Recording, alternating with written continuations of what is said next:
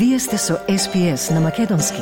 Слушнете повеќе прилози на sps.com.au козацрта на Седонин.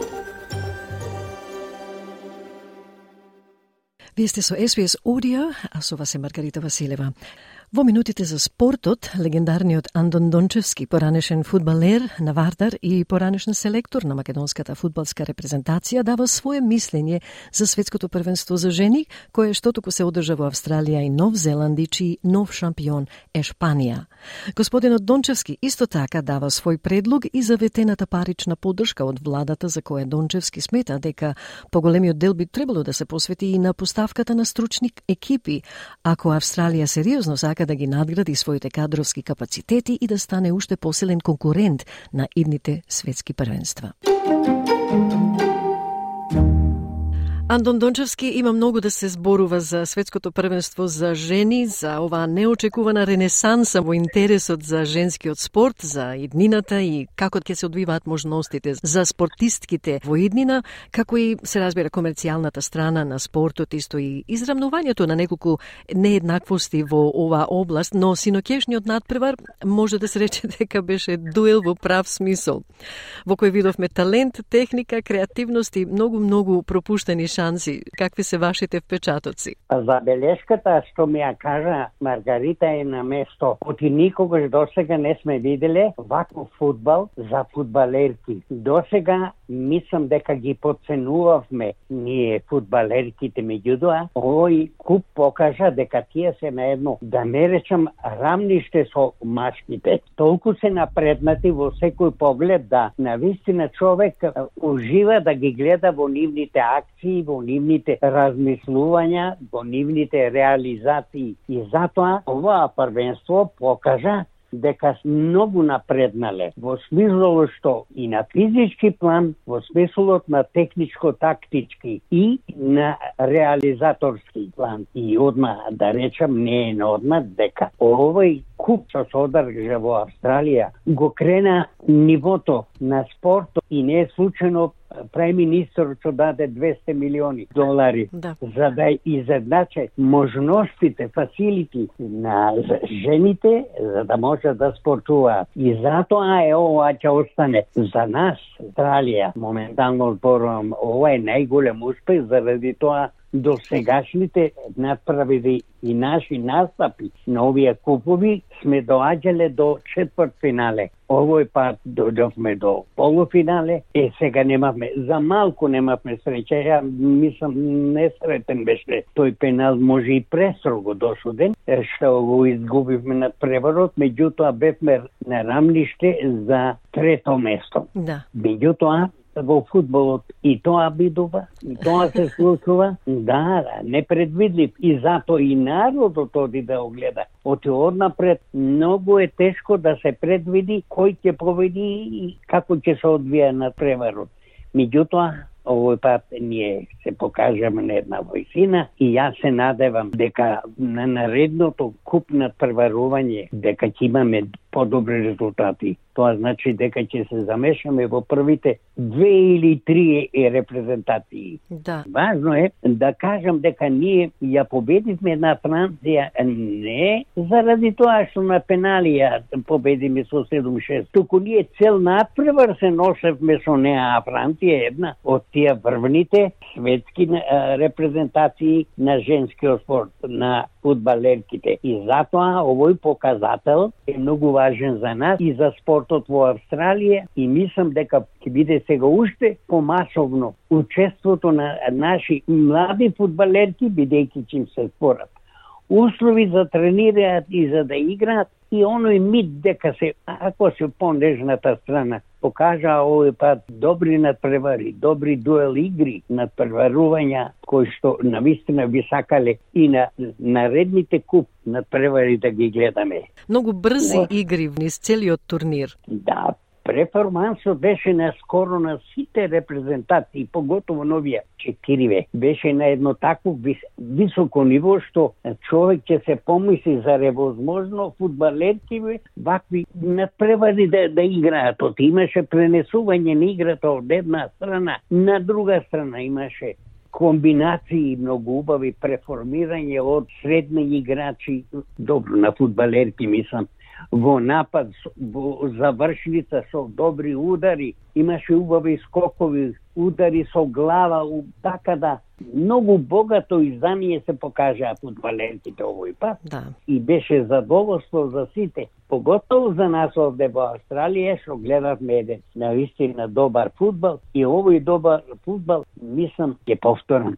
Многу млади фудбалерки ќе сакаат да се такмичат, да тренираат, да играат и да им се исполнат желбите, нивните желби, фудбалски би рекол, оти сега сите и децата видоа дека фудбалот има убавина, со една добра подготовка, со добри услови за тренинзи, дека можат и они да представуваат една сила, едно спортско богатство на нашава земја. Да, останува да се види како ќе се употребат тие 200 милиони за да им се даде можност на новите генерации, па и сегашните, да имаат што повеќе можности, да постигнат уште повеќе од Можностите, Марга, се во стварање фасилити, Да, да. да се створат многу терени, да се дадат пари остручнување на тренери. Тие тренери што ќе ги водат овие деца да работат стручно. Секогаш кој ќе се работи стручно, резултатот, ако не денес, утре, се појавува. Затоа едно големо охрабрување, иницијатива на прај министерот што вети 200 милиона. Во тие 200 милиона спаѓа остручнување на кадар, на тренери, а не е само тренер во прашање, туку таму треба да има тренерски тим, кај што ќе има и масер, кај што ќе има и за кондиција тренер, кај што ќе има тренерот да можност да ги одбира, да ги селектира оти. Многу е важно селекцијата. До сега, веројатно, или може би, кои имале мера од фудбалерките, тренирале оделе. Меѓутоа, овој пат, за да имаме квалитет, мораме селекцијата прво да одбереме. Од секој девојче не, не се прави фудбалер. Да. И ја патеме речено да речем, ја имам нова внука од черката моја и ми префрла дедо, другите ги учиш, нас не. Јас им вика, толку е силата, деца. От ја поаѓа во себе. И ја не станав Меси, ама на ниво на Југославија и секаде кај што бев, има успеси. Меѓутоа не бев Меси, не бев Роналдо. Тоа е, тоа е. Затоа е многу важно на почетокот селекцијата на прво место и следењето на тие што ќе спортуваат во овој фудбал, девојчињава за Да, да фудбалерки. потенцијал, да имат потенцијал, значи и талент. Секако, Да секако. Не може од секое дете да се створи, макар да има овој мерак да се створи и фудбалер или фудбалерка поточно. Психомоториката ја дава родителите, меѓутоа дарбата за врвни резултати сепак е и од Господ. Значи тој е вашиот предлог за давање една здрава основа за градење на кадрите, Токму така. на тие токму. средства што ќе бидат обезбедени. тие средства мора строго да се распредела таму кај што најефикасно ќе се искористат. Оти не се дадени средствата само да се потрошат. Треба плански да се потрошат. Треба стручни лица да учествуваат во распределба на тие средства и стручни лица да учествуваат во селекцијата на девојчињата на фудбалерките. И многу е важно терените да се обезбедат да се обезбедат да речеме и навечер, оти сите не можат да тренираат преку ден, навечер да има сијалици, светло да има, да се води сметка за тренинзите, за времето и мислам дека тоа ќе биде еден од условите да се постигнат подобри резултати. Ние покажавме, меѓутоа се уште имаме потенцијал да покажуваме добри резултати, добри игри. А да се вратиме сега накратко и на надпреварот помеѓу Шпанија и Англија. Една споредба на надпреварот помеѓу Австралија и Англија. Кај Англија видовме план на игра, нели, уште од почетокот. Синоќа Шпанија, мислам дека ги разби тие стратегии на тренерот на Англија. Точно е дека Шпанија беше во секој поглед подобра. Меѓутоа, англиските фудбалерки се уште или тој стручен штаб там со господјата, се уште мислам дека се е, должници на оној шаблон фудбал англиски. Тоа значи дека однапред противникот ќе ги прочита што ќе направат. Затоа и англискиот фудбал ако не отидоа од Европа фудбалери или од Бразил, од Јужна Америка, тој фудбал што го применува англичаните беше шаблон. Секој што ќе играше со англиски тим, секој знаеше да како да се одбране од нивниот шаблон.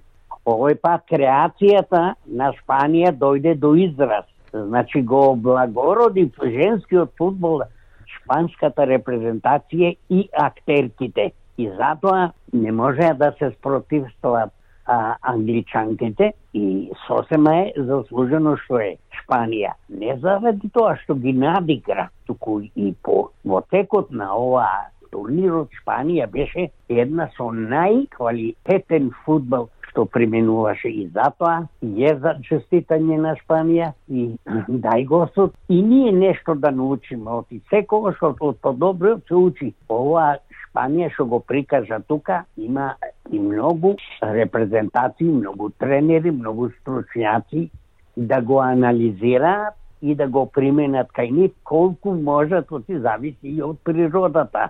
Рековте шаблон, дали бисте рекли дека Англија и покрај тоа што е технички многу силна, сепак попушти на физичка агресија до некаде со жолти картони, паднаа жртва на фрустрацијата до некаде што не можеа да стигнат до ниту еден гол. Така. Они се македонски речено само бендисани. Они сметаа дека се најдобри во светот, меѓутоа секогаш има и подобри. Јасно таа дојде до израз фрустрацијата нивна со тие жолти картони со таа нервоза и оноа што го знаева и оноа што го умеат не можеа да го приминат заради тоа што беа инхибирани, беа изненадени од противникот, од шпанските фудбалерки беа изненадени што добро им парира, дури подобро игра. Од нив и затоа тоа придонесе Шпанија, така би рекол, и поигра убедливо. Господин Дончевски, вие употребивте еден термин минатиот пат, кога зборувавме психо... Физика. Не беше тоа. Психолошко оптеретување, психодинамика, психофизика. Мислам дека беше уште еден збор, меѓутоа велите тука психомоторика. Дека... Психомоторика, добро. Што значи тоа? Тоа значи основата на сите движења на телото на спортистот Тоа е еден квалитет кој што секој не го поседува.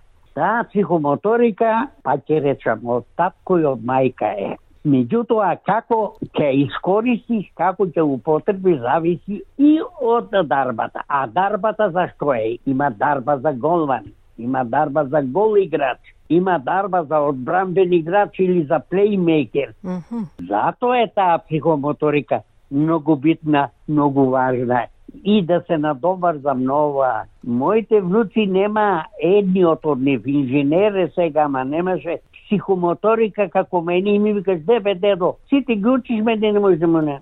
Не, нема, не поседуваше психомоторика. Многу беше умен за, за факултета меѓутоа за футбол не па на крајот на краиштата, па по тоа и се разликуваат фудбалерите, квалитетот од само доаѓа. Еден од критериумите на квалитетот на фудбалерот, фудбалерката е, е таа психомоторика. Господин Дончевски, останавме со ултра високи надежи за женскиот фудбал, па и спортот воопшто во, во Австралија. Како што споменавте, преминистрот вети 200 милиони да. долари како инвестиција за идните генерации. Останува да, да, да видиме како ќе ќе се одрази тој фонд на како идните генерации, си... бидејќи сите едва чекаме за да. следното светско првенство. Секако. Меѓутоа, овие настапи наши даваат една голема надеж дека на наредното светско првенство сепак имаме и подобри игри, поквалитетни игри и подобри резултати. Значи, една кратка оценка за, за тоа што го видовте низ целиот турнир. Многу е, на, многу е напредна футболска и футбалерките. Прво дошла до израз селекцијата на тренерите, потоа стручната способност на тренерите. Така да, ова што го прикажуваат децата, е следствие на стручна работа и тимска работа на тренерот. Сам тренер не може ова да опосети, мора да има тим околу него таа, ниту пак сам играч, нели? Ни сам играч. Па сам играч само може да се боксува и да игра тенис. А ова е колективна игра. Тоа е умешноста на тренерот. Да ги распореди играчите на кое место најмногу може да придонесе. Оти во колективот треба да се распоредат убаво фудбалерите на кое место најмногу одговара и кој е тимски играч. Индивидуалец, е, тоа се раритети. Те Роналдо, те Меси. Меѓутоа, една птица не чини пролет. Затоа, многу деликатна, стручна работа. Квалификувани тренери мора да бидат. И, да не заборавиме, потенцијалот е кај играчите, меѓутоа, максимално да им го искористиш потенцијалот. Господин Андон Дончевски, ви благодарам за вашата стручна анализа денеска и да се надеваме дека големиот интерес во женскиот фудбал ќе помогне и во изедначувањето на платите на жените фудбалерки. Секако. Му благодараме на господинот Андон Дончевски што со толку голем ентузијазам прифати покана од нашата програма да даде своје мислење за женскиот фудбал и за светското првенство 2023. Сакате ли да чуете повеќе прилози како овој? Слушате подкаст преку Apple Podcasts, Google Podcasts, Spotify или од каде и да ги добивате вашите подкасти.